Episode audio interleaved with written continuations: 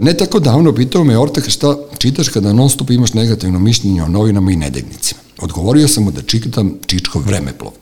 Pogledao me kao tele, mada ja ne znam kako tele gleda pošto sam gradsko dete. Onda u trenucima dokolice čitam Čičkove tvitove i pokušavam da dešifrujem njegove poruke. Često odustanem pošto mi treba sertifikat mensa da bih ga razumeo. Ali volim istorijske citati kojima nas usmerava šta je teo da kaže. Volim blog Mala cvećera, to mi je sličan doživlj kao da čitam romane Johna Le Carrea.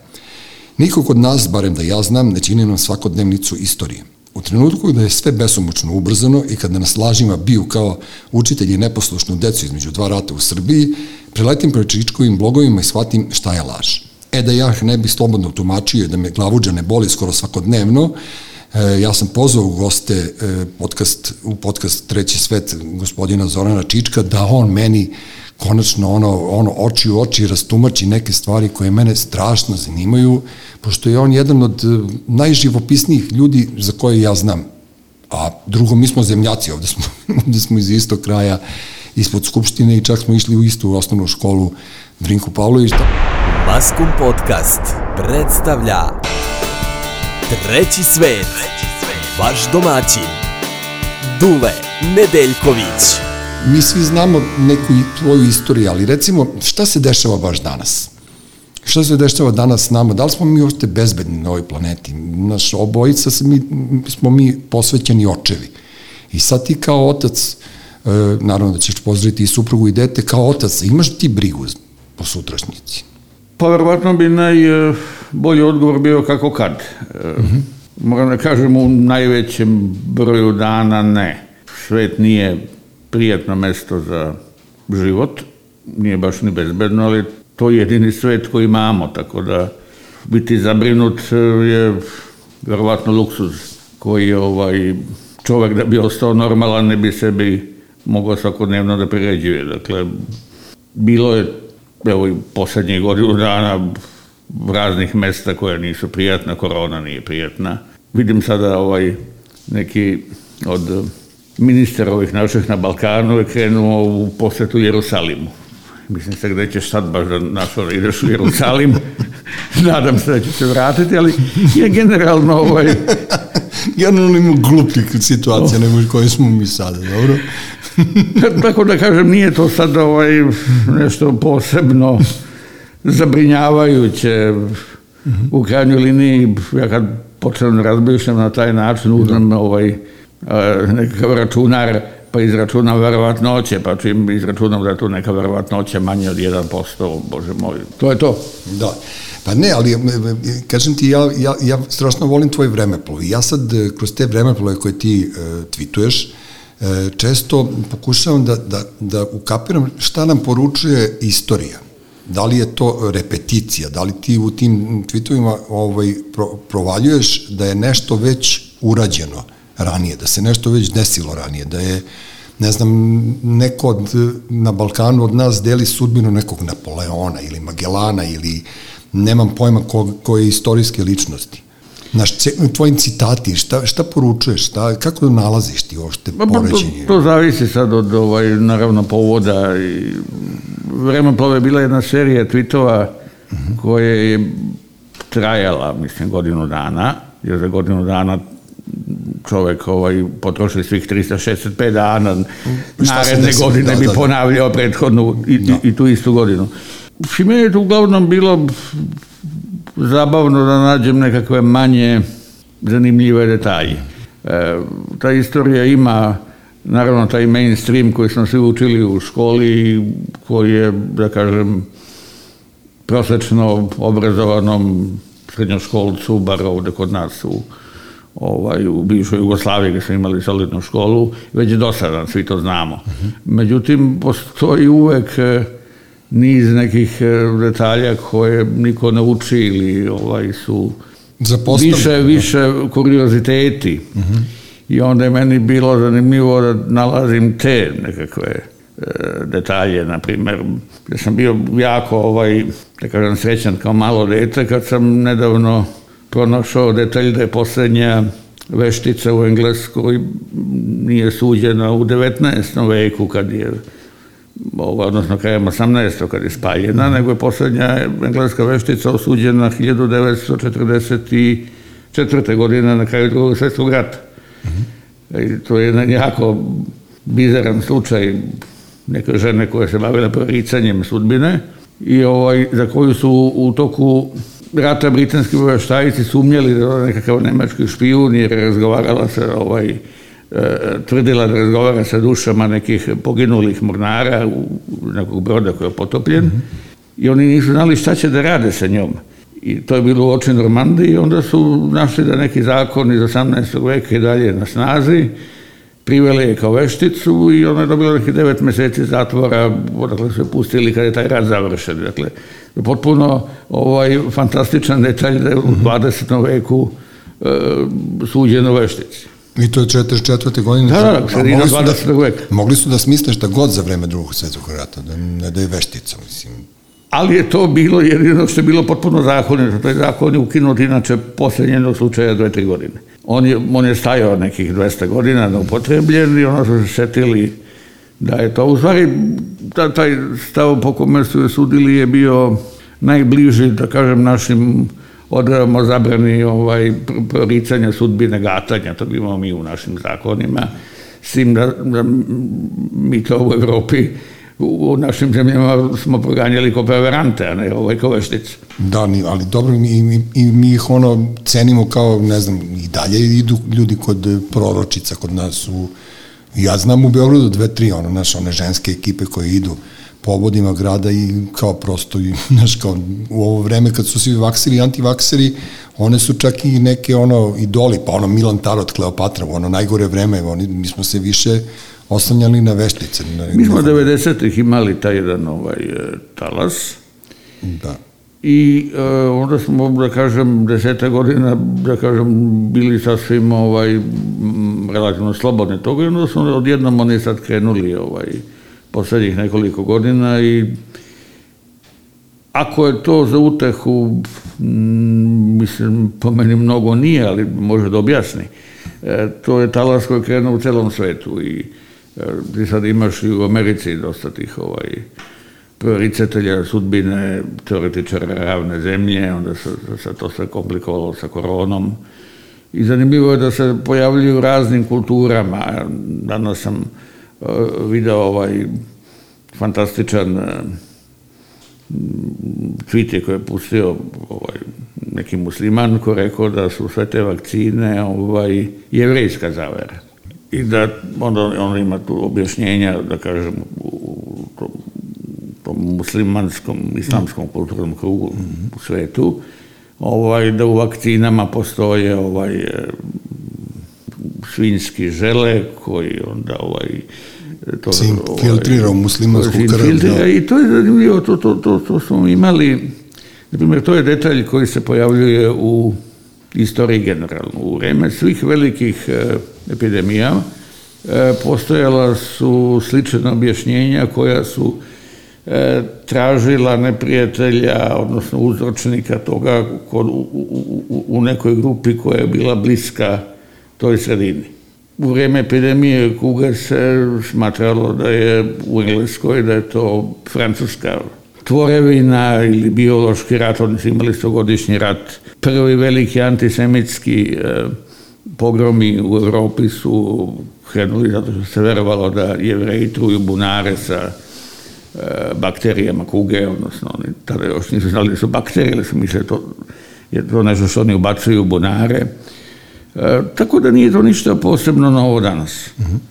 I danas vidimo da sve recimo nenaučna objašnjenja oko korone se zasnivaju na nekakvim e, predrasudama koje su zasnovane na kulturnim stereotipima. Imamo ih i ovaj, kod nas u Evropi, imali, imali smo ih u Aziji, praktično u celom svetu to su dosta trajni, dosta otporni e, stereotipi da bi se oni promenili za samo nekoliko stotina godina. Ti si iskusan političar e, i već ono i, i već si istorija. Jedan, možeš i ti jednog dana da uđeš u vreme to i već iduće godine. E sad kao političar da te pitam, razmišljam sad kad to pričaš, o, o, ja to generalno nazivam prostacima, glupim ljudima, neobaveštenim, neobrazovanim. E, vraćam se na ono da, da li je demokratija uopšte pametna? Da li je pametno uopšte da postoji u 21. veku taj sistem u kome jedan čovek nosi jedan glas? Jer obično e, taj jedan čovek, jedan glas e, navlači na to da, da, da neka inertna masa vlada pametnija masa. E, ne znam da li me razumeš, znači ono uvek se, uvek taj populos koji je uslovno rečeno neobrazovaniji ili, ili ne znam, lakše podležan nekoj manipulaciji, određuje, određuje i dobija većinu baš zbog tog sistema jedan čovjek, jedan glas. Po takvih e, primadaba ima od uvek. Znači, svojevremeno je Churchill kazao da demokratija ima sve te slabosti i mogu se izreći sve te primetbe, ali ovaj, da je od svih e, modela koji su praktično primenjeni, ona ipak najbolje, odnosno nosi sa sobom najmanje opasnosti. E, činjenica jeste da, ali to je ono što smo mi danas e, na neki način e, hipertrofirali, da govorimo o tome kako je ovaj narod neobrazovan, kako je ovaj povodljiv. Mislim da mi time prikrivamo neke druge ozbiljnije slabosti. Prvo ja moram da kažem Govorim bar o eto, tvojoj i mojoj generaciji, mm -hmm. generaciji, da kažem, deseta godina starijoj i, i 20 godina mlađi od nas, znači prilično velikom korpusu, da kažem, ljudi koji su danas živi, koji su u, u državnim školama u Jugoslaviji stekli obrazovanje i opštu kulturu mnogo bolje nego njihove vršnjaci tada u Americi, mnogim zemljama Europe, da ne govorimo ovaj, van Evrope, prema tome mi smo u tadašnjem svetu bili među obrazovanijim e, narodima, govorimo o celoj Jugoslaviji i Bišoj.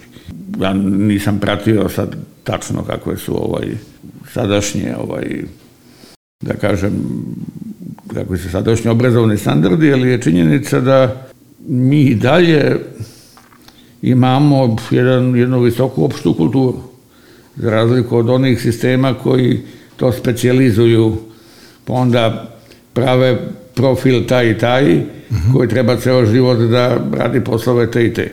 Znači, ne bih ja rekao da je prvo ovaj opšti nivo tako loš kao što mi sebe ubeđujemo. A drugo, ako je to zaista tako, onda bi time ljudi koji su pametni ili obrazovani trebalo da im bude lakše da ovaj, da izmanipulišu. Ne, ubede one druge u ispravnost svojih ideja, ne teže. Bilo bi verovatno teže ako bi ovaj, svi bili na višem nivou. Znači, mislim da to malo ovaj, e, političari vole da kažu da bi našli neko opravdanje. Političari uvek nađu neko opravdanje, odnosno smatraju da im treba da nađu opravdanje zašto su neuspešni. A zašto su toliko ono se vezali onda za, za medije? Ti u, u, u vaše vreme, kad si bio mlad i perspektivan i kada si se na kraju krajeva i bavio svakodnevno politikom i bio u tom samom državnom vrhu, ovaj, vi niste imali društvene mreže, vi niste imali televizije s kojih biste na, na ovakav propagandni način e, se obraćali ljudima i, znaš, hajde, ja sad ne bih tu da pominjem neke pinkove, happy i tako dalje, i tako dalje, ali definitivno se pogubio taj neki ciljano obraćanje uh, ljudima. Znaš, sad kad si pomenuo školstvo, to, to ono za vreme Titove Jugoslavije, dok smo bili Titovi pioniri, mi smo stvarno imali perfektno obrazovanje. Drugo, bilo je besplatno to obrazovanje, što kad smo počeli da putujemo po svetu, smo shvatili koliko su ljudi preko to što si malo pre rekao usmereni samo na jedno i koliko nemaju široko to znanje. E, koja je uloga medija? Zašto, zašto političari nemaju tu veštinu da se sada obraćaju ljudima Zašto toliko insistiraju na, na, na ne znam, na RTS-u? Zašto toliko insistiraju na tome da, da, da je samo televizija bitan medij za obraćanje? Kako ne mogu da dođu do drugog načina komunikacije sa, sa biračima, glasačima, kako već da ih zove? Jer ti u tvoje vreme kad ste pobeđivali nisi to imao. Pa dobro, nije, e, vreme baš toliko lako uporedivo. Prvo, mi danas živimo u celom svetu u jednom mnogo bržem ritmu e, nego pre 30 godina. Znači, mi danas imamo obsesiju da se svakog dana moraju imati, ne govorim sada u, izvan naše sredine, govorimo ovde kod nas u, u Srbiji, u Beogradu, da, Znači, ako ispustimo sve ono što se događa ovaj, s polja pa utiče, znači ono što mi ovde generišemo, se mora imati e, najmanje tri ili četiri teme. Ali teme koje će onda da e, definišu taj dan ili možda sutra dan. I već trećeg dana toga se niko neće sećati. Znači, mi govorimo o tome da mi moramo imati nekih 30 tema nedeljno. Mm -hmm. E, za 30 tema nedeljno, televizije koje si ti pomenuo sada, i koje, ovaj, e, govorimo o ovima koje možemo da gledamo na kablu. Da, dobro. Ovaj, to je nekih desetak televizije. One, ja sam tu nešto sabirao, me to baš zanimalo, e, kad se beremo sve njihove termine emisija za, koje dovode gosti mm -hmm. u studiju, jutarnje, popodnevno, na večernje. Njima treba 300 ljudi nedeljno i možda malo jače, zavisi kako je nedelje. Zamisli ti da ti svake nedelje moraš da imaš 300 ljudi za sve teme. I to sad onda ima neke vrlo bizarne forme. Ono što mene posebno ovaj, e, tu fascinira, to su ta prelistavanja novina jutarnja. Znači, mene su se novine smučile same, sad još da vidim i nekog da mi objašnjava šta u njima piše. onda potpuno izgubim želju da, da gledam to. I onda to sad njega voditeljika pita šta je ovo, on sad kad ne zna, kaže pa to je skretanje pažnje sa onoga, uh -huh a ono je bilo skretanje pažnje sa nečeg trećeg i na kraju to oblikovanje stvarnosti kroz televizije, to se, što se pitao, ono se svodi na to da ovaj, ljudi koji e, e, ne znaju dovoljno ni o čemu, znaju po nešto svačemu, dolaze pa komentarišu sve što je neki urednik e, prethodne večeri stavio na neku naslovnu stranu. I tu postoji nekoliko, naravno, tih ovaj, uobičajenih matrica, su uglavnom isti naslovi, i onda se to svodi na, ovaj, nekako, televizija se svodi na čitanje novina. Pa to a novine se svode na prepričavanje televiziji. Jer u njima piše šta je prethodnog dana bilo na, pa ne, ali to je na ono, televiziji. Ali stvarno ko pijačni, ono e, barometar, prepričavanje, ja, tračeva. Možda kažem, mi smo nekad živali sporije vreme, nismo imali to okruženje da se mora, ima, da se mora imati 30 tema nedeljno. Bile su neke dve, tri, četiri teme i onda su se ti kažem ovo, nama nije bilo, govorimo o tom vremenu, kasno da neko na nešto reaguje posle dva ili tri dana. Da. Ovde je sada ovaj, nedopustivo ako ti već nisi posle 15 minuta kazao šta misliš o onome što neko treći kazao. Jer zašto, Bože moj, nema nikakve reakcije, prošlo je već 20 minuta. Tako da imamo dane u kojima se nekoliko krugova tih e, e, reakcija i kontrareakcija može ovaj, e, videti. Kao ovaj da, rekao bih, živimo u nekom šahovskom satu gde postoji neko ko pritiska ono, ono, ono, ono vreme, jer će, Bože moj, da padne zastavica. Ali imaš one specijalce koji čuče po televizijama, pa kad nešto se desi, da. onda oni, ono, oni iskaču tu, da li žive oni tamo? Ne, ne, ne ja sam to čuo nedavno da... Jesi mi ti rekao za kombi, jes? Postoji u Novom Sadu neka, neki, ne znam, institut, centar, mm -hmm. to su sad ti, ti razni naslovi, koji, ovo, nazivi koji ovaj, bi trebalo da zvuče naučno, ovaj, da, tako ja obično kažem, istraživanje rude, gubljenje vremena, no, ti ljudi tamo sede da prate te, te nekakve medije, u stvari kako sam shvatio, ovaj, njihov jedini cilj je da oni popunjavaju te slotove na ovaj, e, slotove na, na televizijama, pa svako jutro krenu ovaj, nekim kombijem iz Novog Sada, onda ih ovde rasporede po tom jednom, drugom, trećem Pinku Kepiju, svako od njih ima neki svoj raspored, e, gde ide tog dana, to pretpostavljam da neko raspoređuje, ovaj, daje im te, da kažem, dispozicije mm -hmm. i onda ih tu čekaju do, do tih kasnih večernjih emisija i onda ih uveče vraćaju valjda nazad na Novi Sad, je pretpostavljeno taj vozač kad krene, on sipa gorivo i kupi na kiosku jutarnje novine i da tim ljudima da se oni informišu dok se voze mm -hmm. do Beograda i od onda znaju šta misle o tome. da uzmu mišljenje svoje. Pa da, ali to je nevjerovatno, da je to što si pomenuo malo pre 300 ljudi, Teško je to nahvatati. Teško je, oni se moraju često ponavljati. Da. Ono što je meni bilo, bilo i danas mi je zanimljivo, e, e, mislio sam da je bilo dobro, ako bi se, bilo bi zanimljivo, ako bi se neko usudio da ovaj, napravi to više vrste eksperimenta ovaj, i da u nekakav, u nekakav dnevnik, u neku informativnu emisiju, pusti ovaj, e,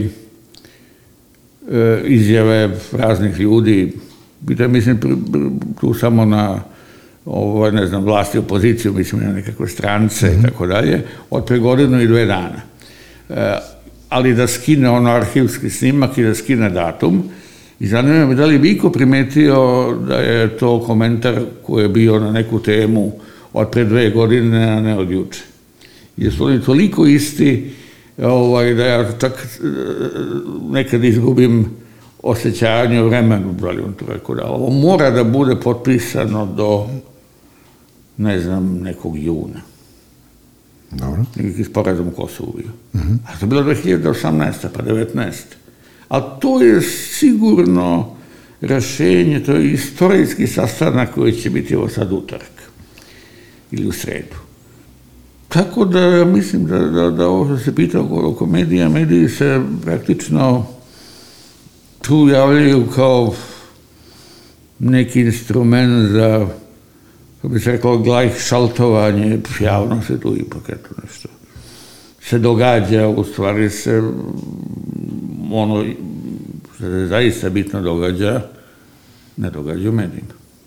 E, to, mi je, to mi je jasno, nego ovo, to, to je neka maska, naš mediji hipnotišu ljude i ljudi počeli su da gledaju, ali sve više naših prijatelja i ljudi koje ja poznajem su prestali da gledaju e, televizije, to što ti kažeš jutarnji program, ja, prestavanje štampe, ja koji nisam prišao kiosku dugo vremena i sada opet kao dolazi do toga, evo ovi podcasti koje mi sad radimo, da dolazi opet do toga da ljudi slušaju razgovore i ljudi hoće da čuju šta će neki ljudi da im kažu. Evo sad si ti rekao da nije, da se to što se prikazuje na televiziji ne dešava, a, a opet sa druge strane imaš legitimitet da, da, da, da, da nekada nekome i objasniš od nas koji, koji smo radoznali gde ide ovo, gde ide ta cela evropska e, ajde da se lociramo na Evropu, gde ide Evropa? Jer ja, kad sam bio poslednji put u Londonu i u Parizu, meni se ni malo nije svidelo.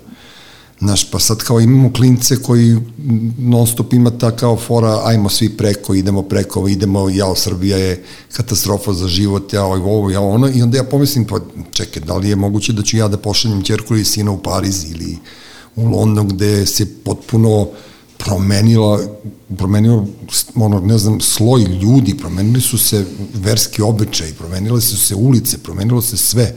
Sve je drugačije, počevši i od umetnosti, i od kulture, i od uh, muzike, i od tih restorana. Šta se dešava sa Evropom? Naprosto to mi nije jasno. Šta će se desiti uopšte s njom? Koji, koji će sistem ovde da predvlada? Što je, ovaj, mene uvek pomalo nerviralo, to je bila ta patetika sa kojom ljudi govore o tome da neko negde ide. Ma to je najgore. Što je... E, prvo, kad ljudi ne bi mogli da idu, na primjer, da imaju pasoše, onda bismo rekli da pa, pustite nas, da idemo. Da. Sada kad možemo da idemo, onda se govori, eto, teraju nas napolje. Prvo, niko nikog nigde ne tere. E, ljudi odlaze i ljudi se vraćaju. I e, mi smo imali dugo, da kažemo, to jednoj kao kulturni obrazac, e, tu sliku da neko odlazi brodom iz nekakve siromašne Sicilije, Grčke, Crne Gore, Dalmacije naše, ovaj, u Ameriku, da se nikad više ne vrati. E, I onda napiše jedno pismo ili dva godišnje. Mi više ne živimo u tom svetu. E, čovek može da bilo gde iz Evrope dođe u Beograd, govorimo u normalnim okolnostima kada ima ovih e, epidemijskih ograničenja, da. za 30 evra i može da se vrati. Ja sam imao prijatelja Engleza koji je radio u Pragu i svakog petka išao kući i svakog ponedeljka se vraća. Znači, mi živimo u svetu kome je putovanje nešto sasvim drugo e, nego što je bilo. E, I mislim da je dobro da ljudi odlaze i da se vraćaju. Ali e, to što ljudi odlaze, to je i znak da smo deo tog sveta. Jer da bi, ih, e, da bi mogli da odu, neko mora da ih e, primi. Naravno. Ta Evropa meni uopšte nekako nije, nije primamljiva. Znaš, taj ceo taj koncept kapitalističkog tog njihovog ili tog liberalnog kapitalizma, kako da ga nazovem, meni lično nije, nije, nije ovaj, nije srcu drag, a ti ne znam, znaš, nekako bi volao da, da, da čujem tebe, jer ti bi morao da promeniš, znaš, ti si kao mlad čovjek ušao u politiku, bio si komunista i, i mislim da si još uvek, svi smo mi bili levičari kao klinci, pa sad kad, ne znam, malo odrasteš pa dobiješ porodicu, ženu, decu, malo po, počneš da budeš, malo ideš ka desno, ali ne mnogo, da ne bi bio devijantan, ali ovaj, prosto me interesuje kako ti posmatraš to kad vidiš da taj truli kapitalizam pada je. Ali bukvalno pada, bukvalno se rasturije. Jedna od uh, običajenih fraza, ono se sad ponovo ovaj, vratila u vreme korona, jeste da posle ovoga više nikad neće ništa biti isto. Dobro. E, vidim da su to ovaj, sada mnogi koristili, bez obzira na gde i na, i na konteksta, ali ovaj, najčešće je e, ta fraza služila samo da e, privuče pažnju slušalca. Kao da bez nje argumentacija ne bi bila dovoljno čvrsta ili ne bi privukla dovoljno pažnje, ne bi bila dovoljno bedljiva, ali sada više nikad neće biti isto. Suština je, međutim, da nijedan dan nije isti kao prethodni. Naravno. Ni sutrašnji dan neće biti isti kao ovaj 12. maj u kome smo pričali. I nema potrebe da se to naglašava niti u smislu da se sva istorija ponavlja, niti da se nikada neće ponoviti. Ona ima neke delove neke detalje koji liče jedni na druge, one se drugačije sklapaju. I ono što je ovaj, e, Marks kazao u polemici sa Hegelom, tačno je da se ponavlja, ali prvi put kao tragedija, drugi put kao fars. Mi danas imamo, evo, to je valjda tema sveta, da je u poslednja dva dana u Jerusalimu poginulo oko 40 ljudi tih 40 smrtnih slučajeva u dva dana su privukli veću pažnju sveta. Ja sam gledao, na primer, e, broj smrtnih slučajeva poginulih u ranijim osvajanjima Jerusalima u poslednjih 2000 godina. To je krenulo 600.000, pa je, na primjer, ovaj, negde u srednjem veku bilo po desetak hiljada, u 20. veku je bilo možda hiljadu ili dve, danas je došlo na 40. Znači, konstanta jeste da e, je svet postao manje opasan nego što je to bilo pre samo veka, da govorimo ranije, i da je ljudski život postao značajniji. E, često se, e, na primjer, e, kaže, ali zašto sada, evo, bila nekakva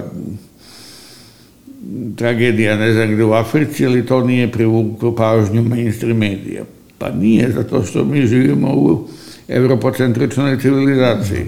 Čak i ova današnja, odnosno ovdje jučerašnja e, tragedije u onoj školi u Rusiji, kad je onaj dečko poludeo, da. on je praktično kopirao da. američke masovne ubice, tamo se to događa češće. Da. Čak je i to e, manje nego što bi bilo primećeno da se desilo u nekakvom Rimu ili, ili Parizu. I to jeste ovaj, ono što vi koji ste se bavili novinarstvom možete verovatno bolje da zbog čega mi jesmo u evropocentričnoj e, civilizaciji koji ima i svoju, da kažem, medijsku e, sliku.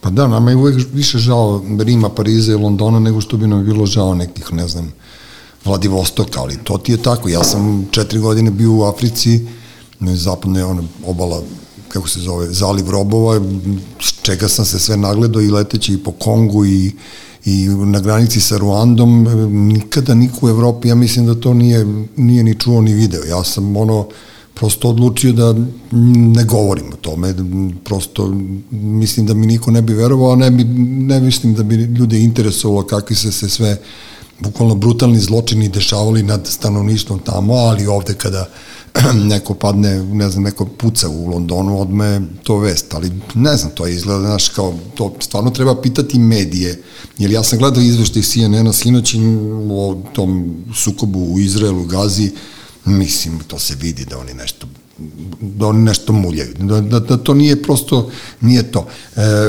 ja se sećam, tih 80. i 90. godina, mi smo kao, ne znam, uslovno rečeno bili na različitim stranama ili ne znam, dobro, ti si se bavio ozbiljnije, si išao kroz život nego mi koji smo, ne znam, svirali, mi izlazili po klubovima i to i mi smo jedno vreme išli stalno na predavanja Vladete Jerotića na Kolarcu i kao tamo smo slušali tog pametnog čoveka. E sad meni je ono, pre neki dan sam ja u razgovoru s mojim drugom Charlijem, koji ono potpuno nema veze ni sa čime, on meni kaže, si ti čitao blog Mala cvećara. Ja kažem, brate, ja čitam blog Mala cvećara, super, i onda smo nas dvoje, pazi, posle 20 godina seli u kafić i pričali smo o tvom blogu gde si, e, ja sam zapisao ovde samo e, između Pinokija, Mihauzena i Potenkima, mali ogled o lažovima i laganju.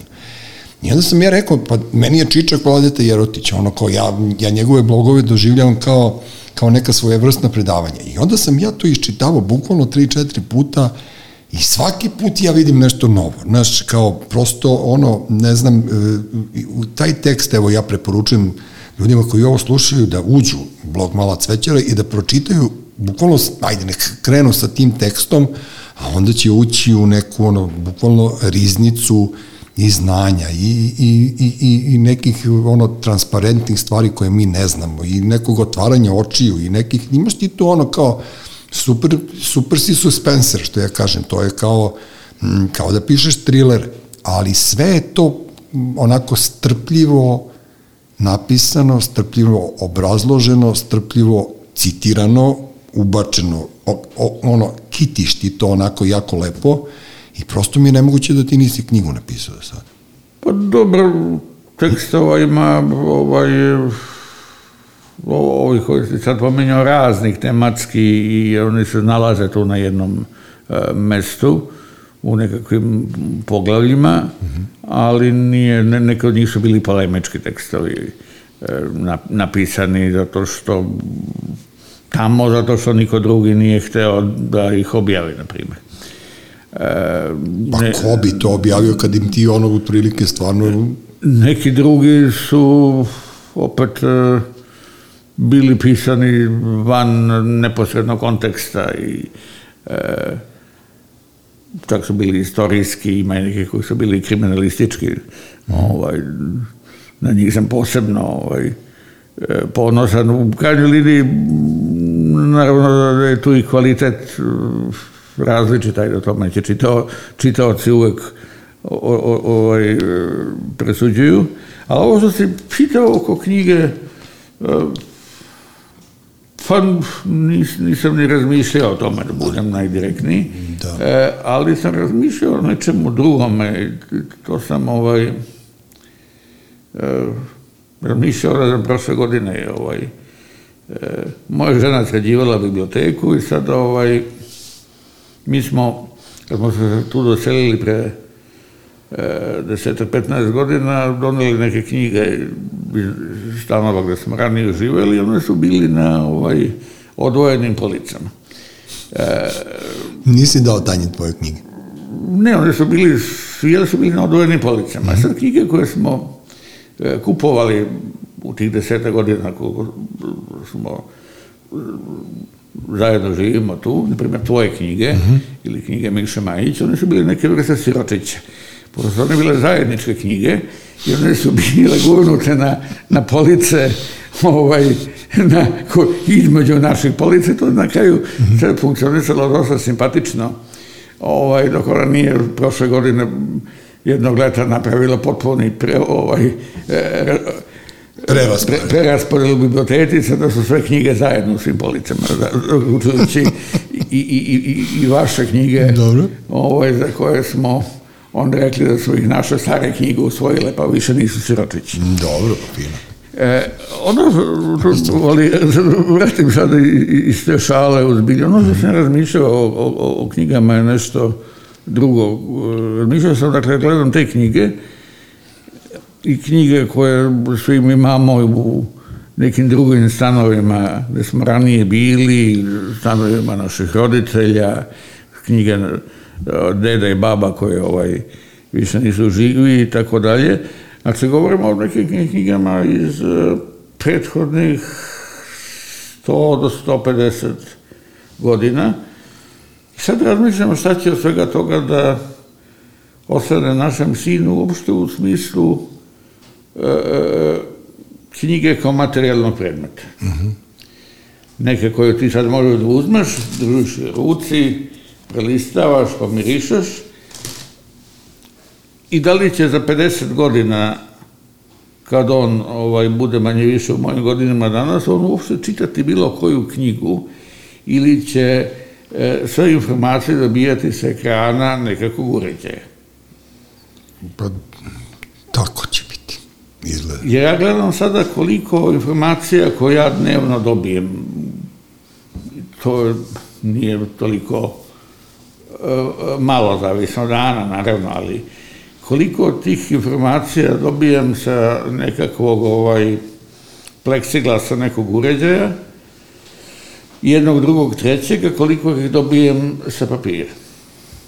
I praktično, kako vreme odmiče, kako decenije odmiču, taj broj se beznadežno o, o, povećava na štetu papira. Znači, da li ćemo imati za 20 godina sve knjige u onom Kindle... e, U električnom, da. Da. Evo ga.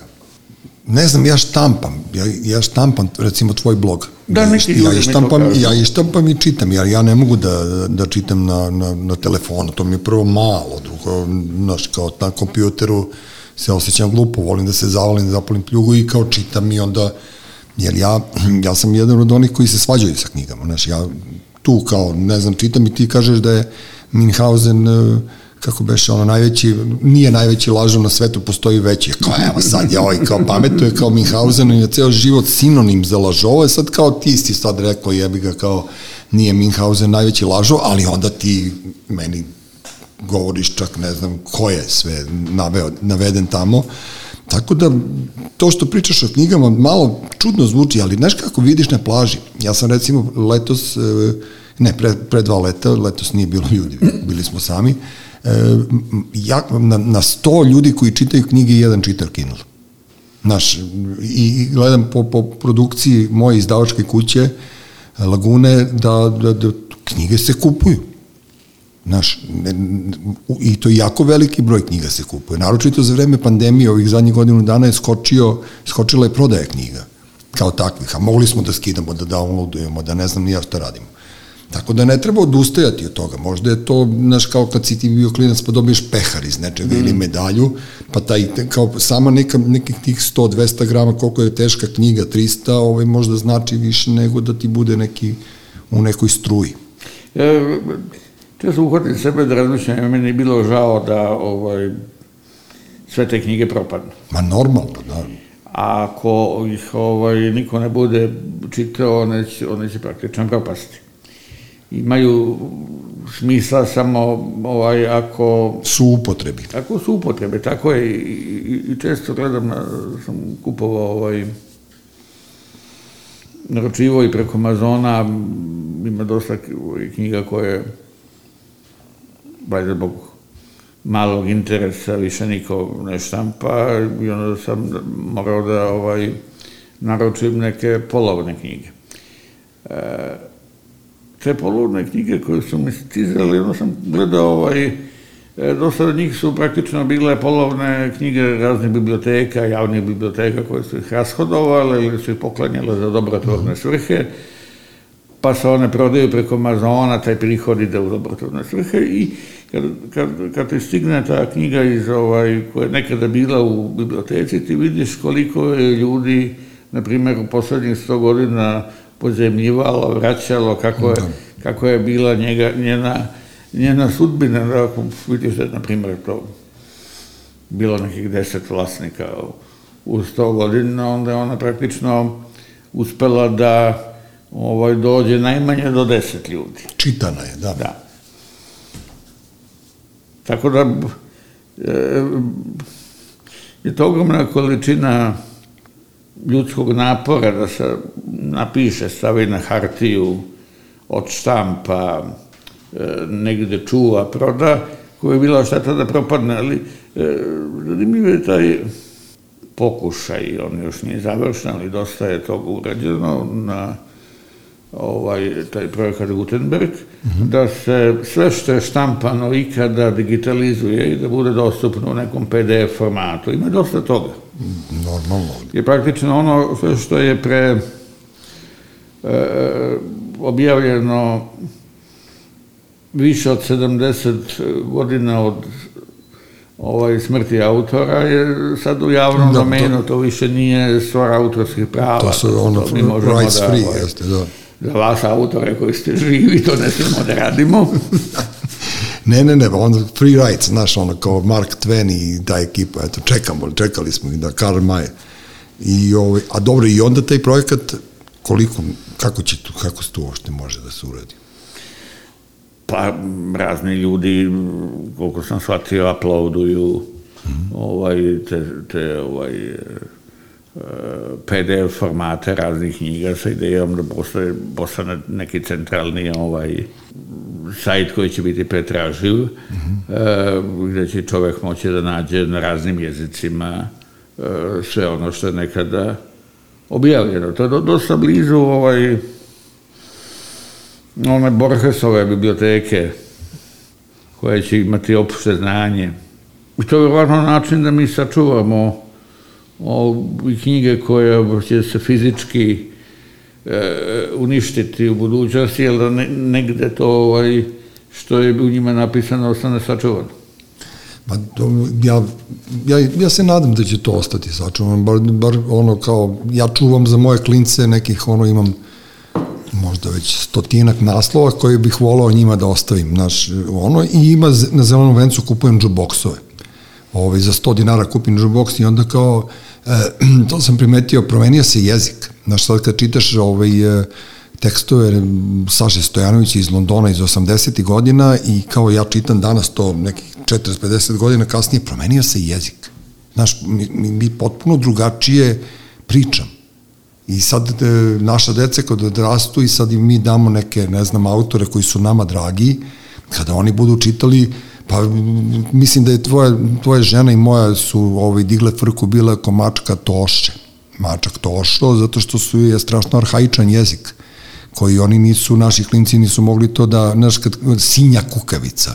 To je bilo valjda u prvoj rečenici, sad moj sin koji dolazi, ono kao, Znaš, gleda me, znaš šta je lopta i znaš šta je sendvič, a ono sinja, kukavica, ja dok njemu objasnim, a prvo ja nisam znao ni šta je znači sinja. Da li ona iz sinja grada ili ona nešto ono što, što si sinja kukavice. Dok sam ja to raščavio, razumeš, e sad i tako isto se dešava i sada. Znaš, ovo, ovo, ove moje knjige ili sudije Majića koje si pomenuo da su vaše zajedničke, ko zna kako će to da zvuči kada naša deca budu stariji. I, i, ali to je onda naš kao već istorija, to, to, to, to već ima neku svoju, kako se to zove, drugačiju cenu, drugačiju vrednost. Pa, ali treba ostaviti u svakom slučaju. Treba ih ostaviti sa nadom da će neko da ih čita. E, kad se, kad se, kad je, postoji jedan zanimljiv detalj, e, kad je Gutenberg napravio presu, pa je ono u naredni, da kažem, 50 godina e, postala prisutna u svakom većem gradu Evropi. E, to je znači bio neki kraj 15. veka. E, početkom 16. veka je eksplodiralo štampanje svega i svačega. E, postoji priča o Kolumbovom sinu, jednom od Kolumbo imao dva sina, jednog ovaj, bračnog, jednog vanbračnog, i taj vanbračni sin uh -huh. e, mu je ovaj, e, se bavio skupljanjem knjiga. Njegova o, ideja je bila da sakupi sve knjige koje su ikada objavljene u, naravno, tim godinama kad je on to radio, to je bio neki ovaj, e, početak 16. veka, i uspio je da ih skupi oko 16.000 raznih e, knjiga, neke periodike, e, štampanih e, litografija, pa da je već reprodukcija. Toliko, toliko da, oko 16.000. E, Zvuči prilično da, neverovatno za to vreme. Znaš. Smatra se da je to bila najveća privatna biblioteka u Evropi tada. Danas je od njih ostalo sačuvano oko 3000. Nešto je ovaj propalo u požarima, poplavama, nešto je pokradeno, nešto je inkvizicija spalila, zato što ovaj, nisu bile ovaj, u skladu sa tim ovaj, dominantnim verskim tumačenjima, oko 3000 E, sačuvano i nalaze se u katedrali u Sevilji u jednom ovaj, njenom aneksu. E, I to je ono što nam je ostalo od pre 500 godina. Ali govorim o tome da je on i sa 16.000 bio jako daleko od toga cilja da sakupi sve što se objavilo, jer, se, jer broj je eksponencijalno rastao. Broj je eksponencijalno rastao i kako je više štampano, i to je jedan primjer ovaj detalj koji je on pominjao u svojim memoarima, on je tome pričao se Razmom Rotterdamskim pred Razmovu smrt, e, ono što je njih najviše pogađalo, to je da je kvalitet toga što je štampano srazmerno padao. Što je štampano više, to je kvalitet bio manji. Mm -hmm. I kada su razno pitali pred smrt šta bi volao da promeni, da, da može, on je rekao da Gutenberg nikad nije napravio e, presu, jer da nije bilo prese i da se dalje pisalo na papirusu, Drugačije. to bi bilo kvalitetnije od ovoga što imamo sada. I to, ja se stalno setim toga kada mi govorimo o internetu. Da. Pre nego što je internet počeo da funkcioniše u tom delu, e, mi smo imali kvalitetni i prosečni nivo štampane stvari nego što imamo danas u elektronskoj. Jeste, naravno.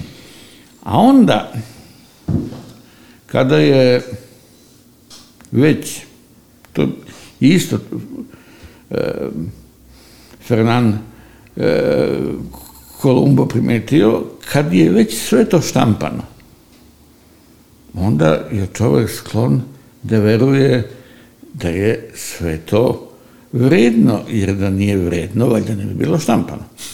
I to, toga, i to isto sad gledamo, kad se nešto pojavi na nekakvom ovaj, e, sajtu ili blogu u elektronskom obliku, onda čovek sklon da veruje da je to tačno.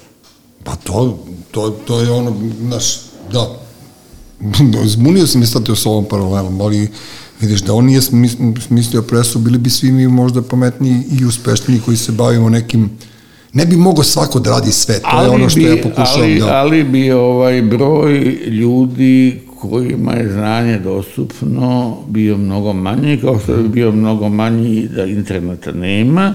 Znači, mi smo imali paralelno, i to je proces koji traje kroz vekove, demokratizaciju znanja, ono je postojalo sve jeftinije i sve dostupnije. Mislim u materijalnom, u vrlo tehničkom smislu. Znači, nekada da bi nekakvu konkretnu informaciju saznao, morao si da se obučeš, odeš u nekakvu biblioteku, ako to već nemaš kuće, ako ovaj, ne, ne, nešto manje ovaj, e, e, dostupno, većina ga nije imala, da odeš u biblioteku, znači ne možeš ni u knjižari da nađeš, jer knjižare su samo knjige koje su, da kažem, ovaj, od, šireg interesa, da odeš u biblioteku, univerzitetsku, narodnu, tražiš, sada to možeš sve da uradiš za nekoliko klikova na kompjuteru. Znači, to znanje je postalo dostupnije, tehnički, e, većem krugu ljudi, ali je cena te dostupnosti bila smanjivanje njegove e, suštinske vrednosti. I to se desilo onda u, sa, sa štampom, to se desilo i sad. Cena, dakle, da znanje nije elitno, jeste da ono zahteva da ovaj čovek uloži više napora da kritički e, gleda ono što čita. Jasno mi je to, ali onda kad ulaziš na mrežu, tu te čekaju zamke. Ono, tipa moraš da probiješ e, prostačke sajtove koji ono clickbaitere, bajerove stvari i, i, i, i te sve stvari, tako da je mreža ono široko polje, znaš, moraš da budeš pametan da bi uopšte ono egzistirao na mreži. Ti, ti znaš, pošto si na Twitteru i, i, i pišeš te blogove, ti znaš kako to funkcioniš i imaš neko iskustvo. Recimo mi, kad smo pokretali ovaj podcast, moj prvi uslov je bio da nema komentara. Zato što ja ne želim uopšte da dam bilo kome za pravo da bilo koga vređa paušalno, a s druge strane nije za svakoga da govori. Znaš, ja prosto nemam, nemam taj ovaj, nemam, nemam tu dilemu da, da, da i ne dajem za pravo svakome da ima svoje mišljenje. Mislim, to je, mislim, ono, kao prosto, kao što sam rekao pred prošle izbore, pa su mi iskasapili da m, zaista ne bih dozvolio svakom da ide na glasačko mesto. Šta sam da te pitam, e, ti si e, svedok o, o, ovog sadašnjeg vremena i baš sad kad si pričao to o informisanju i svemu, e, to, ti mediji koji, koji daju u stvari tu lažnu sliku neke igre, neke zabave i svega, oni su tu u stvari postavljeni da nas otuđe. Da, da, da, da, da nas sklone od realnosti, da nas sklone od nekih književnih večeri, da nas sklone od nekih e, polemičkih, e, ono, da sednemo u neku kafanu pa da polemišemo, da prosto da, da, da se likvidira taj duh koji je mogao negde da, da se desi i, ovaj, i, i mislim da su mediji sad u, zlo, ono, u službi zloupotrebe političara protiv ljudi, protiv neke slobodne misli, jer prosto nam oduzimaju vreme. Naš, ljudi gube strpljenje, ljudi, ljudi nemaju više, naš, ta brzina koju si ti pominjao malo prije, mogu zamisliti samo koliko si ti zasut sa informacijama kada sam ja zasut. Tako da, ovaj, znaš, sprečeno je to da se ljudi međusobno upoznaju. Znaš, ja sad pričam s tobom i to je, to je jedan veliki ono benefit, kako ti objasnim, ali, ali prosto, a mi komuniciramo, do sad smo komunicirali preko mreže, nedostaje mi ovo. Nedostaju nam ti kao skupimo se mi pa pričamo i onda tu uvek kao se nešto tu izrodi. Je to opasno po, po, po, po vlast, otprilike? Da budem brutalno iskren, za vlast je opasno bilo šta osim nje same. I to nije, da kažem, igra reči, to je ozbiljna konstatacija u smislu da je, je, je, da niko ne može sam od sebe pobeći i da niko ne može sam sebi e, više naštetiti. Generalno u otuđenom svetu, postmoderni svet jeste otuđeni, on je bio takav i pre nego što je bilo korona, da se ne lažemo. Međusobni kontakti ljudi iz kojih može da dođe do novih misli, e, oni, oni, on, oni se ovaj, kroz masovnu zabavu kompenziraju. I onda naravno ovaj, lakše sada da ovaj, gledamo nešto ovaj, nego sada da se obučemo, ustajemo, pa da. idemo negdje i tako dalje. Međutim, e, ko, iskustvo sa koronom je pokazalo da ljudima to nedostaje. E, kao što im je pokazalo da ovaj, oni moraju da međusobno razgovaraju da bi do nečeg došli, e, pri čemu jedna, jedna vrsta simulacije toga jeste društvene mreže, oni tu razgovaraju. Međutim, ja sam i dalje ovaj, pristalica toga da e, to ne može da bude razgovor svih sa svima, e, zato što prvo svi neće da pričaju sa svima, niti imaju nekakve različite ove, teme, interesovanja i ljudi treba da pričaju sa svojim istomišljenicima. E, pojavljuje se upravo suprotna teza u, u teoriji komunikologije, ali ne, to će ovaj, da, da sve svede na mehure istomišljenika. Pa da, ali u tim mehurima će se doći do nečega. Ako bi se mehuri pomešali, to bi bila neka kakofonija u kojoj ovaj, niko nikog ne bi čuo. Uh mhm. -huh. Nego bi jednostavno vikali jedni na druge. Što ja inače i na samom Twitteru ne volim. Naprosto ovaj, e,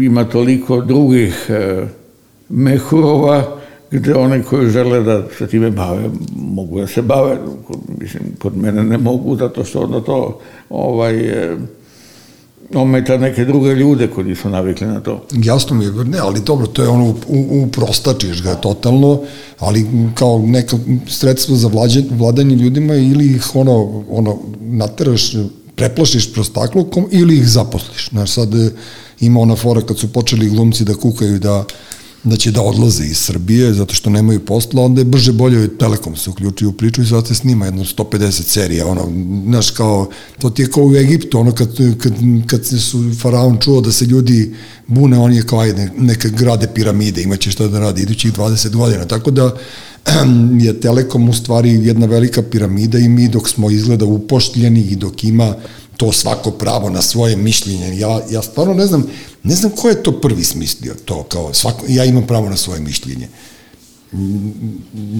Znaš, ja ne znam da li sam ja radikalan, da li sam ja, ne znam, komunista, šta sam, da li sam, šta sam kad ja kažem nema prava svako na svoje mišljenje. Jer prosto svako, svako ne, znaš, smetate smetate, na, na, znaš, meni je malo to ono nevaspitano, kao da svako ima pravo da kaže šta misli. Eto, to je prosto, prosto neko moje, ne, svako, naravno, moje iskustvo. Zorane, znaš šta, ja imam 56 godina i sada već koliko toga mi je prošlo kroz život i, i, i šta sam sve video, sad kao naš, uvek su smetali ti bolidi ne znam kako drugačije da, da, da pokušam da ti objasnim šta meni smeta u toj priči. Ne, ne smetaju mi ciljani ljudi koji su instruisani, ti si sad bot, ti ćeš da radiš ovo, ti si vojnik partije, ti ćeš da radiš ovo, nego me smetaju oni što se bremešaju. Svako, naravno, ima pravo na, na, na svoje mišljenje, ali to nije ni sporno. Niko, ga nikome ne spori. Ono što uh, je nemoguće pa samim tim je nemoguće i kao pravo, to je da svako ima pravo da se sa njegovim mišljenjem svi slažu. dobro. Jer, jer ono što se kod nas u javnosti najčešće događa, to je da ovaj, sve na razne teme, ne govorim samo o političkim, evo da smo imali ovo sa, i sa vakcinama, razne, po raznim istorijskim temama kao sad o kontrafašizma i tako dalje. Ovaj, se iznesu mišljenja koje jednostavno činjenično nisu ovaj, eh, osnovana, zasnovana su na predrasudama ili na istinama ili su ekstremna. I onda oni koji ih eh, iznose očekuju da niko ne sme da to kritikuje, jer time kreše pravo na ovaj, njihovo slobodno mišljenje. Ne, ti kad izneseš neki stav u javni prostor, onda moraš da prihvatiš i ljude koji se sa tim ne slažu. Ma okej da se ne slažeš, ali nemoj da psuješ, nemoj da obesmišljavaš, to I hoću da ti ukoliko ovaj, se to ospori, onda se ovaj, e, e, e, e, reaguje kao ovaj, e, da, uskraći, da je to uskraćivanje prava na, na mišljenje. Nije. Ovaj, ne postoji pravo prvo ovaj, da se svačije mišljenje svuda prenese. To nije pravo na mišljenje. Znači, svi mi imamo pravo da naslikamo sliku, evo nas trojica ćemo sad uzmemo ovaj papir, naslikamo neku grafiku, ali nemamo pravo da Louvre izloži to što smo mi naslikali ako ne odgovara standardu muzeja. Znači, prvo ovaj, e, to pravo uključuje pravo da te svako prenese ovaj, e, u celini ili uopšte i ne uključuje pravo da se svako sa tim slaže. Pri čemu ozbiljni ljudi, ja ovaj, moram da kažem da što sam stariji sve češće begavam toj logici, ovaj, sami se uzdržavaju od toga da iznesu mišljenja o onome o čemu ne znaju dovoljno, ne ispadnu budale. I to se meni evo u posljednjih par godina više puta da se da me neko pita kaže da pronameno nečemu, kažem, izvini, ja to ne znam. ovaj, ili ne znam dovoljno da bih se osetio ovaj, e, e, e, komforno da to kažem, nego kaže neko ko zna više. Ali je, ali je postalo, to jeste sada ovaj, jedna od odlika postmoderne, da ovaj, mi svi znamo sve o svemu i to ovaj, ponavljamo ovaj, što češće, da bi time što više ljudi to čulo, iako toga praktično ja ne vidim da e, iko ima neke koristi. Da. Znaš što me interesuje pre nego što mi pobegneš sad opet, mi nestaneš sa radara na jedno pet godina, Ove, interesuje me, kad si bio klinac, pošto smo mi ovde rasli zajedno u kraju i sad ovde je bilo onako šarolika ekipa, e, kako si ti od, ne, da, jel, glupo reći, odlučio da budeš funkcioner? Kako si ti izabrao uopšte da budeš političar? Ma nisam ja to birao, to je bio si- Znaš, mi smo svi bili pioniri, pa skojevci. Ne, ne, znaš, nema pa to veze. Ovaj, Kako si se našao uopšte? Pa praktično tek posle, tek posle studija. Mi smo bili ovdje od Rinki Pavlović. Jasno. Ovaj, ja se sećam, na primer, e, prvi događaj, to sam, mi razmišljam baš danas, ovaj, prvi događaj koga se tačno sećam u, u mladosti jesu studentske demonstracije 68. u junu. Jer znam da je tada ovaj, moja pokojna baka kupovala ogromne količine neke hrane, ulje, brašna, možda dođe do ne znam čega. Ja sam razmišljao da trebalo da krenem u školu u septembru, da ako te demonstracije budu velike, možda mi nećemo imati školu. I ja se jako radovao tome da neće da idem u školu. Su demonstracije završile ono, ovaj, u, u junu pre toga i posle dva meseca ovaj, su Rusi ušli u Čehoslovačku. I sećam se da je ovaj pokojni dede došao sa novinama, ovo može da bude treći svetski rat. Ja pomislim ako je treći svetski rat i opet neću da idem u školu. Međutim je prošla i ta, ta, ta invazija Čehoslovačka, onda sam krenuo u Drinko Pavlović koja je tada bila ovaj, e, sasvim nova škola. Ona je završena, e, mislim, dve ili tri godine ranije kad se otprilike Kad je moja tašta išla u tu školu, da. Da. Dobro, znam, to je, e, pa, e, mislim da je 50, 60 50, e, Ne, ne, kasnije. 60 I neko da. godište je krenulo prva generacija, da. I onda sam posle išao u petu gimnaziju, peta je bila jedna, ovaj, pa smatrala se da je malo ovaj, šminkerska, najjača. ali generalno ona bila sasvim ok. I e, sasvim ok škola, ja sam bio čak u ovome prirodnom smeru, jako me to jako me nerviralo i nije me ni zanimalo, nego je to u, u mojoj generaciji bilo pitanje časti u smislu da ako ovaj, si u- na društvenom smeru, tu idu ovi, su, da kažem, malo priglupi, a ako, o, o, da bi bio ozbiljan, treba da ideš na, na prirodni smer. No, ovaj, tako sam bio na prirodnom smeru, kako mi pola tih stvari nije trebalo i onda smo išli e, i to je bila moja generacija pre tvoje, jer je bila prva u vojsku posle srednje škole. A da, vi ste ono, jel tebe šuvar zahvatio? A nije? Ne, nije, ali me zahvatila ta, ta vojska posle srednje škole, gde i onda upisao pravni 81. To je generalno bila sasvim opuštena veći deo te decenije, da ne kažem cela, pred kraj decenije su već počele e, razne probleme, ali, ali veći deo decenije je bio Pa dobro, to je bilo, do 87. 8. su bile rela, bukvalno relaksirane godine. Šta I, god. I, i, i te polemike koje su tada bile, mislim, bilo ih na razne teme, ali su bile mnogo kulturnije nego što je to danas. E, iako formalno to nije bilo još cijele te decenije, da kažem, u tom e, višestranačkom okviru, opet je e, taj stepen tolerancije bio veći nego što je to danas, ovaj, kad imamo svega toga. Tako da, mislim ja to nešto ovaj, odlučivao, nego jednostavno čovjek krene ovaj, e,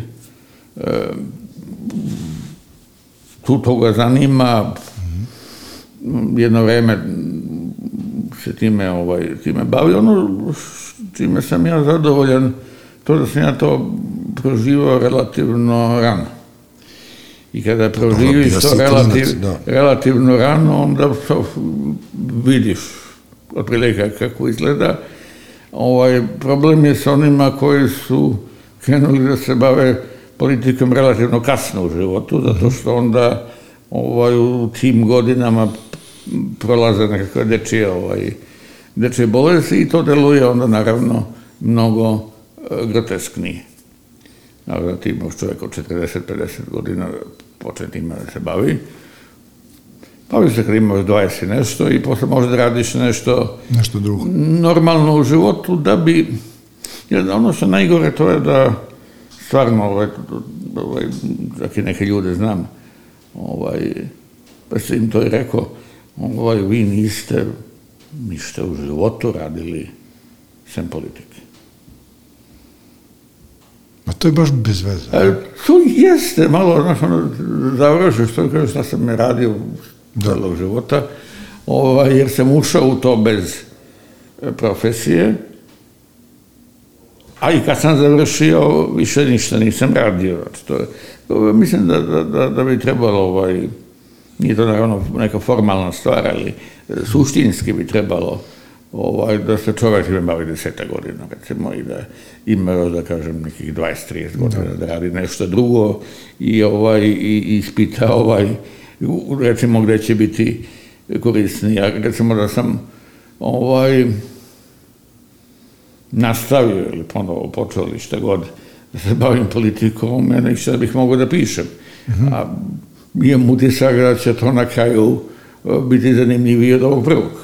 A vidiš, ja se sećam cele te tvoje ekipe, sad gore dole godinu, dve, da ne nabrajam imena i sad ono što sam pomenuo na početku, e, kada je kretao eksperimentalno, ja sam jedan od ljudi koji smo inicirali taj omladinski radio, posle radija 101 i radio studenti kao krenuo je taj e, radio B92, onaj početni signal ili vezan, ta početna faza i krenuo je paralelno OK kanal da se emituje iz Doma omladine, mislim da je Radovan Kanjevac bio tada urednik i koliko se sećam, nemoj mi zameriti ako, ako grešim, ti si bio taj koji je, koji je ne ukinuo, nego si prosto ono stopirao nastavak te OK televizije, ali si bio isto tako jedan od koji je decidno bio za to da, da radio B92 nastavi sa svojim radom. Tako da ono, naš 92 treba tebi da se zahvali, jer isto si da, mogao da ih zabraniš To, tada. to, to je, praktično je to malo drugačije sve bilo, to je sada da kažem. Ne, prosto je- kažem ti- je, ali to jeste, ovo što si sada kažao, to je nekako mišljenje, ajde sada. Ne, nego Ovaj, čekaj, da tebe nije je bilo, ostalo, da, ovaj, da si ne. ti ukinuo Ovo, ta ja sam, ja 92. sam jako na nekom kom sastanku kritikovao programske sadržaje kanala i moram da kažem, ovaj, Kanjevac i svi momci su me iste večeri pozvali da gostujemo u njihovom programu, da ponovim, mi smo imali raspravu, ona je bila mnogo, da kažem, obostrano pristojnije od ovoga što gledamo danas. I onda je ovaj, ta privremena dozvola istekla. E, privremena dozvola istekla, ona bi istekla svakako i da sam najlepše govorio ovaj, o, o tome.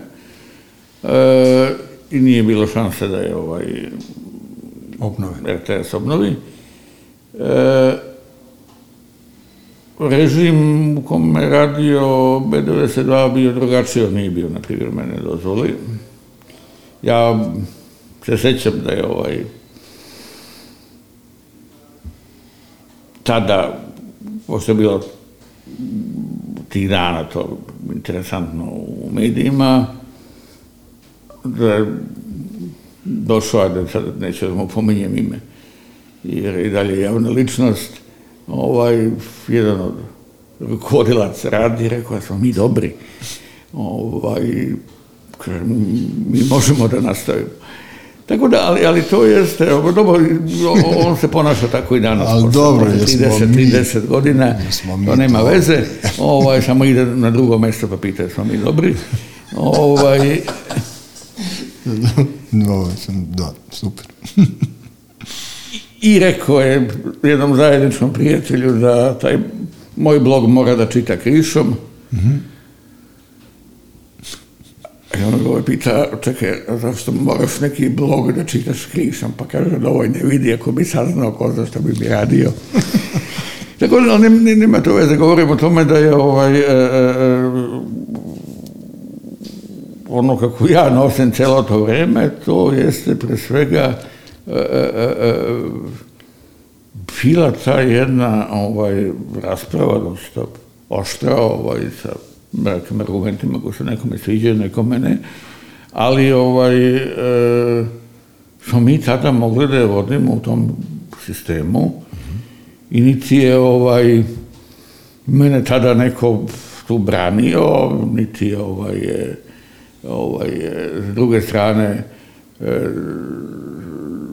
su mi ovi momci bili omogućili da to, to kažem. To, ću kažem da to nešto što mi nismo, ovaj, uopšte danas teško možemo da, Da se da, da, da zamislimo da postoji komunikacija. Na bilo kom nivou, ne samo Na bilo kom nivou mi živimo u paralelnim svetovima, odvojenim svetovima. Ja ne tvrdim da je jedan od njih idealan. E, u smislu da sada u našem svetu koji je dobar, tu nema loših ljudi, ima ih, kao što vjerojatno ima i na onoj drugoj strani nekog ko, ovaj, ko je tamo dobar, ali, ali govorimo o tome živimo paralelne svetove gde su potpuno različiti sistemi vrednosti, simboli, muzika, filmovi, ličnosti, različito shvatanje istih nekih ljudi, na primjer. E, mi, na primjer, sada ovaj, pomenuo sam Minhausena, on je, čije ime preraslo, prezimo preraslo okvir epohe, pa je postalo simbol, takav je i Desad i ovaj Quisling i Mercedes je bila neka Mercedes eh, čiji je ovaj otac bio vlasnik te fabrike automobila. Po, tako je nastao Mercedes. Znači mi imamo sada ljude čije su imena postali ovaj, e, simboli određenih društvenih fenomena. I to je ono što sada u tom ovaj, delu ovome e, podeljenog društva je potpuno ovaj, smešno. Da. Ali e, još jedna stvar, e, ja sam se iznenadio, pazi, ja nisam znao, pošto ne, nekako mi je proletalo, ti između ostalog sad e, radiš to što radiš, živiš jednim finim životom, e, ti si pisao program Saši Janković, je li meni to neko prevario ili, ili je to istina? Nisam ja ne, pisao... Mislim, profesionalno, ono kao, nisi, ono, čisto, ne mislim da te neko angažao, Ne, nego, ne, nego je mi neko, smo, mi smo zajedno radili na tom programu. Da bi učestvovao ja sam mislio da, Da, je to, da, da, da, ja nisam, ja iskren da budem, nisam ovaj, verovao u to, eto. Ovaj, ja sam ovaj, jedan od osnivača pokreta Slobodnih građana 2017. Posle, ovaj, pa posle tih, tih izbora, ovaj, kad je to osnovano, ovaj, i da kažem dve godine, na primjer, koliko je on ostao tamo dok nije otišao, sam bio, Bio jedan od da. osnivača i mm, ponekad smo sarađivali na tim programskim stvarima da posle ovaj, ovaj kada je on otišao onda sam ovaj zaključio da ovaj oni jedni imaju dovoljno problema i bez mene, tako da ovaj, bilo mnogo bolje da ih olakšam time što Da. se dodam. Ovaj, ali jeste, mi smo to radili oko dve godine, godine i po dve dana zajedno i ne, ne, neke ideje smo zaista zajedno i ovaj, došli. Tako da ovaj, nije, to ne, nije to potpuno netečno. E, a reci mi, šta se desilo sa tvojim kolegama ili drugarima iz Jula? Jeste vi još uvek u kontaktu ili je to, ili ste se baš posvađali onako? Pa, prvo- Mislim, ako, ako ulazim u, u lično Ne, ne, mnogo, nije, ne moraš da mi odgovoriš. Nije, nije to. Nego prosto bila je tu neka ekipa ljudi, Ne, pa dobro, sa nekima sam... ali čekaj, Čičak, ti si jedini bio koji je bio komunikativ sa svim. Oni su imali tu jednu dozu arogancije koja pa dobro, je ima nije nama dobro. bilo dobro. raz, raznih ljudi. Dobro, da. Ovaj, sa nekima se nisam volao ni onda. Ovaj, sa nekima sam bio prijatelj. Sa njima sam uglavnom i danas. Sa onim, sa, one koje nisam volao, onda ne volim ni danas, mislim. Dobro. Da kažem, ne znači to da ako si sa nekim zajedno u, u nekoj organizaciji, e, ti on ovaj, automatski simpatičan ili, ili si Pa dobro, radite zajedno, Tako dalje. I najčešće ako si ovaj e, blizu nekoga, onda možda vidiš i sve njegove mane. Tako da je tu dosta, da, da kažem, različita ovaj, e, situacija, recimo, ovaj, e, mnogi od njih se ne bave Ne politikom, da. ovaj, ali e, kažem generalno, ja nikad nisam ljude tako gledao, ovaj,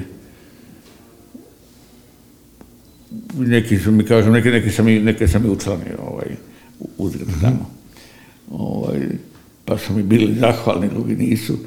Ovaj, neki su me molili da ih učlanim, pa, pa nisam, pa su na kraju ovaj, rekli da to bilo pametno. Ali, kažem, generalno nije ovaj, to em, bilo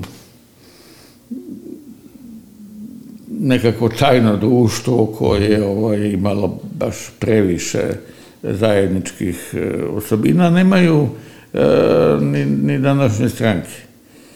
Tako da ovaj, je, kažem, ne, ne, neke ovaj, ljude sam ovaj, tamo upoznao, pa su mi tako bili zanimljivi. Ovaj, a za većinu stvarno ne znam šta se radi, sad, ne, ne, ajde, pročitamo novinama, da, posao ministra ovog Ali ili dobro, ali- ili onoga, onda bi to jako zabavno. Ovaj. Kada, na, na, na, naročito mi je zabavno za one koji ovaj, tada dok je ovaj stvarno postojao, nisu imali šanse da postane nikakvi ministri, evo što su postali. Sad su postali ministri, da. A reci mi, ovaj, si gledao porodicu, verovatno i jesi, pošto te mo, moguće da te je Tanja naterala. Kako je Mira Marković bio? Pa nije to, Jesi ti imao- je, ne, ne, pa dobro, emisija jeste karikatura. Jeste, vi, Ovaj, mislim, tu se slažemo, o- o- da. o- Ona, ona je snimana sa ambicijom da bude karikatura, Mhm. e, tako da vidim da sada kritikuju razni s raznih aspekata, ali moje moj utisak je pre svega, je to meni žao što ovaj, možda deluje kao suviše jaka kritika, ali ono u umetničkom smislu e, loša. E, mogu se napraviti filmovi razni, ali e, na razne teme, ali e, nije poenta da se ovaj, toga napravi serijalo alo. Znači ono najbliže da. moje ovaj, e, poređenje te serije, sada da kažem kultnim televizijskim ostvarenjima, to je serija Alo, Alo, pa je Slobodne Rene Krčmar i da. tako dalje. E, nisam e, slušao sam posle komentare učesnika svega toga, to deluje, to sadrži jednu ovaj, dozu, da kažem, jako, čak je možda to i, i, i, i značajniji ovaj, utisak ovaj, jako velikog haosa uopšte u toj nekakvoj državnoj strukturi koja se pokušavala napravi to, to, to hapšenje. A sa druge strane opet ovaj, kad se sećamo posle 20 godina, e, tada ipak e, niko nije poginuo, što ja mislim da je u nekakvom dubijem smislu vrlo dobra stvar za nas koji smo ostali. Ja se nadam da u narednim nekim situacijama kojih će biti, mm -hmm. ćemo se zadržati na tom, da. zadržati na tom, da ući da opet niko e, ne pogine, jer je vrlo teško graditi uopšte ovaj, e, nekako vreme za buduće generacije, ako ti ovaj, držiš ovaj, misli ti, na primjer, to sam razmišljao, pričao sam često sa mojim prijateljima Rumunima iz Rumunije, da ti imaš stalno, već koliko, skoro 40 godina, to rumunski scenariju. Da ti je ceo, cela zemlja, ceo narod postao sinonim za nešto. Mislim, imali smo i francuski scenario, Pre toga. ruski, engleski, nije, nije Rumunija ovaj, prva zemlja gde je ovaj, neko ubijeni ni poslednji. Ali je to bio 20. vek i, i to i dalje, i dalje mi govorimo o rumunskom scenariju. Ja recimo, ja sam Rumun, ja uopšte ne bio srećan zbog toga. Tako da kažem, mislim da, da je dobro da, da, da a, a, pomenuo tu ovaj, mm -hmm seriju, ako smo nešto uspeli da izvučemo pozitivno, to je da i naredni put kad se to bude dešavalo, ovaj, da opet niko ne pogine. Da na neki način to sve bude mirno i... Pa mislim, ne, ne može da bude to veselo uspevanje, da. ali, ali, ali kažem da ovaj, ne vredi da se ovaj, takvi detalji koji se pamti u istoriji, uh. -huh. zapamte da je to imali toliko, toliko žrtava, znači, da vidimo ako možda ne bude nijedna žrtva. Da. da te pitam kao, za kraj, kao starijeg ortaka ovde iz kraja, šta misliš, dokle će ovo da traje? Znaš, ono, svi, ali ne, ne proročki, nego ipak si ti jako dugo godina u politici i jako dobro poznaješ strukture vlasti, jako dobro poznaješ e, psihologiju vladara koje koji dobiju krila kada dobiju vlast i tako dalje i tako dalje. Nekih 9-10 godina već traje ovo, ne znam, znaš šta, ja, ja se ne osjećam ugroženo, iskren da budem, i ne živim uopšte loše, iskren da budem, ali nekako, bih, nekako mi je malo dosadilo ovo, znaš, dosadilo mi je sve to i naprosto ne znam, ne vidim u ovom trenutku, iskren da budem, ne vidim način da se ovo promeni, ne mirnim putem, nego da se promeni uopšte. I znaš, i da li, da li će tu biti faktor sreće, faktor inostranstva, faktor domaće, da se mi svi kao nešto sad tu organizujemo, mada evo to čisto sumnjam, ali ja bih e, volao da se, da, da se to, što si ti rekao, mirno, najmirnije, najnormalnije završi. Pokonča vladavina Vučića i da zaboravimo više sve te repove koji smo, ne znam, već 30 godina previše je. Pa znaš šta, ovaj, postoje nekoliko valjda, isto nekako, Bog zna kako istine, više da kažem, činjenice. E, prvo je da mi imamo istorijski ciklus od deseta godina. Znači, govorimo, evo, u posljednjih 40 godina, ovaj, na primjer, od Titove smrti, svi ti, sve te faze su trajale po deseta godina, plus, minus, Pa da, jednu. tačno, da. E, ta, ta, ta, ta faza od deset godina ovde, u ovom slučaju, sadašnjem ističe naredne godine. E, mi nismo nikad imali e, 20-godišnje, 30-godišnje cikluse koje imala, ne znam, Crna Gora ili koje ima sada Rusija ili koje ima skoro i Nemačka. Da, Nemačka me iznenađuje. Sa Merkelovom, ali i ona se završava u ovom septembru, ovaj, sa nekakvih 15 godina. E, to jednostavno je sada suviše dugo vreme ovaj, za ovaj ritam e, života. Prvo, naših 10 godina ovih sadašnjih nije isto koji 10 godina 80-ih, onda je to prošlo mnogo sporije je se živelo sporije i, i, to smo danas se govorili o tome koliko se ovaj koliko se u danu događa. Znači, imamo taj e, i drugo, ovo imamo i zamor materijala, znači niko nije na kraju svog ciklusa isti kao i na početku.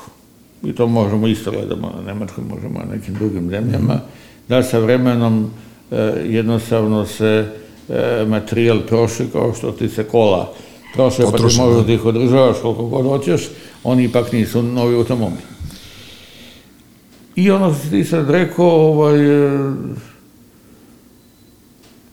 da sam ja duboko ubeđen i često kažem kad me pitaju, mi imamo faktor e, slučaja. Ja sam čak i, i, i na blogu na samom početku ima jedan tekst o gospodinu slučaju. E, mi se trudimo da to pocenjujemo e, i obično objasnimo da se sve dogodilo jer je neko nekad negde seo pa se dogovorio. U najvećem broju slučajeva e, to se nije tako dogodilo. Tako da ovaj se e, nikada to ne može predvideti onako kako bi ljudi voljeli. Isto tako postoji niz opet predrasuda, uključujući ovu o inostranstvu, kome mi želimo da pridamo mnogo veći značaj nego što ga ono realno ima. Onoga Imaju oni svoju muku. oni imaju svoju muku, drugo, ovaj, da su oni tako svemoćni, mnoge stvari se ne bi ne događale e, uopšte. E, pa onda, sve te predrasude, stereotipi o puštanju niz vodu, pa nema nikakvo puštanja niz vodu. Da. Ovaj, jer nikakve vode i nema. E, o tome da je on neće da pušta niz vodu, da bi ovaj, i on im i obećao, pa čovjek im ništa nije obećao, to je potpuno izmišljotina.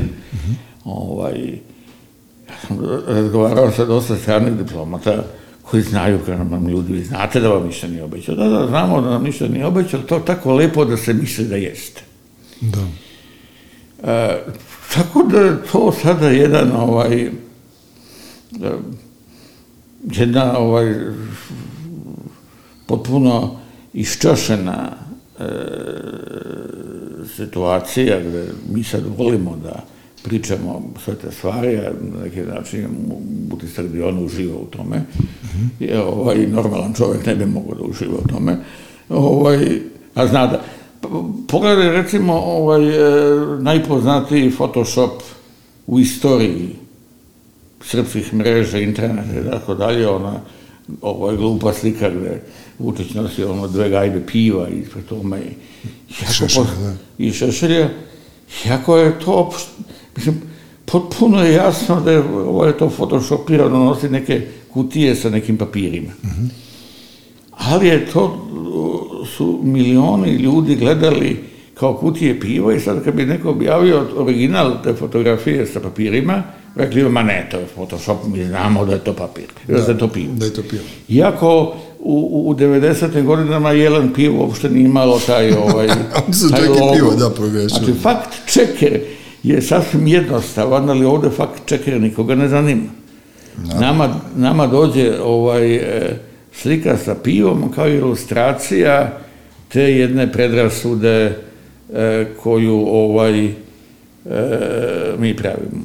Mada je potpuno nepotrebna ovaj, to da je politički on bio nosilac gajbice piva, to mi znamo i bez ovaj, i bez Pa dobro, on je potrebe da, da, da to ilustrujemo Photoshopom. Naravno.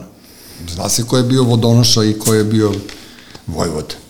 E, usrećili smo se mi sa njima svi na gomili, ali dobro, to je opet neki kao, kako ti kažem, istorijski period, a to što si sad rekao 10 godina dok pričaš, ja razmišljam, to je stvarno trajalo po 10 godina. Da, da, po deset godina. ne. Znaš, ono, kao kako beše, ono, svake godine jedan novi član predsedništva je bio predsednik, pa je onda su došle te 90. Yes. slobine, onda su, ovaj, dobro, Đinđićeve su prekinute, ali tu je... A to je isti, to je Tadić, više, to je ta, Koštunica Tadić tih nekih 11-12 godina i sada ovi su došli tu pred kraj, ona treba da zvoni. Ona kao, Tako da, da, da imamo ta, ta četiri ciklusa, ovo četvrti desetogodišnji mm ciklus i ja mislim da, da, da će se on prirodno tako uh, i završiti. Znači, mi imamo uh, manje više. Uh, da to pojednostavim, uh, smo posle pet godina svesni da to nije baš najbolje, nam treba još pet godina da se nakanimo da to završimo. Da. I to u tom smislu su desetogodišnji ciklusi. Nema tu uh, goriva da traje po 20 godina. Nije, Nema, ništa nije da. trajalo 20 godina. E, a samo za kraj sada, ovaj, da pomenem, ono, e, za sada si 3-1 na kladionici. Od one četvorice što sam te pitao svoje vremeno, trojicu si pogodio, trojice više nema. Na, na tim mestima na kojima su bili, ostalo je još da prođe nama 10 godina, pa da bude što postotno pravo. E, podcast Treći svet je napravljen tako da, da dođu ljudi da pričaju, da im bude ugodno.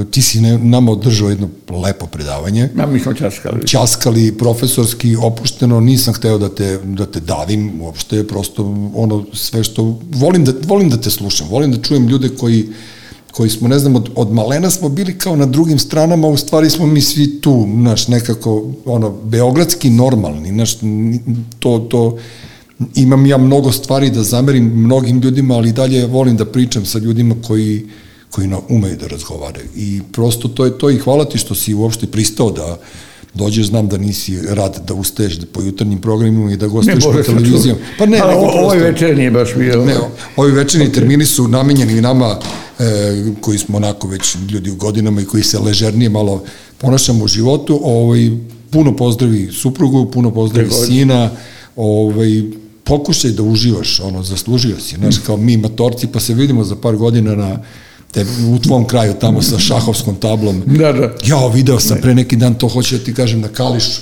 Čovek, e, nisu više šibicari, sad su šahisti, jesi Aha, video tu, ne. tu taj fenomen. I čovek tam, tamnije puti, sedi i kao 200 dinara. Kaže, meni hoćeš partiju za 200 dinara. I meni je bilo, ajde, kao imao sam 200 kinti viška, on je meni šuster mat dao, ja nisam vidio šta je on uradio. Dalje on meni ukrao neku figuru i onda smo se sin i ja vrteli tu u krug, čovek je zaradio lepih jedno peče soma, dolaze, tako tu Rusi igraju šah, tako da ono, ako se ne vidimo u kolu nedeljom na Kališu, vidjet ćemo se ovaj, na šakovskim partijama. Hvala ti, Zorane. Hvala Ono. Prosto bilo je zadovoljstvo naš imati sagovornika nekog ko koga sam ono svoje vremena, ne mogu da kažem nisam voleo, ali nekako mi ste mi bili, mnogo ste mi bili ozbiljni. Ali tebi ovaj, a mi smo posle bili drugačiji. Preslušaš to slobodno ako nešto dosadno ti seci, pa Nije, ne, ne može, ne može da bude dosadno, znaš šta, bilo bi dosadno da isto mislimo. To je ono, to, to, meni su najstrašnije te, to isto mišljenje, a s druge strane ti ja ti dajem legitimitet da imaš pravo na svoje mišljenje, tako da si kod mene položio.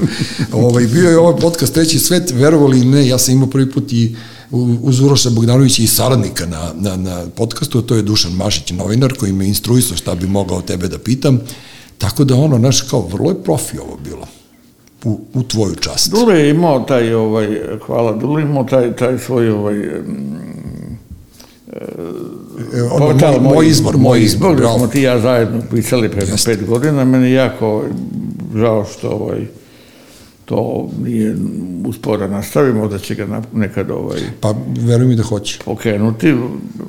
Mada ja moram da, da, da kažem sad za, za, za kraj, ima možda godinu, dve dana, ne znam što, bila priča oko bloga i meni sin kaže, on ima sad 12 godina, ja kaže, ovaj, to je blog, ti dinosaurus, to niko ne čita, kaže, to najnoviji, kaže, forma su podcasti. ja se gledam u njega, kažem, šta su? To su, kaže, ove tvoje igrice, ovaj, Ne, ne, nisu igrice, ovo su podcasti.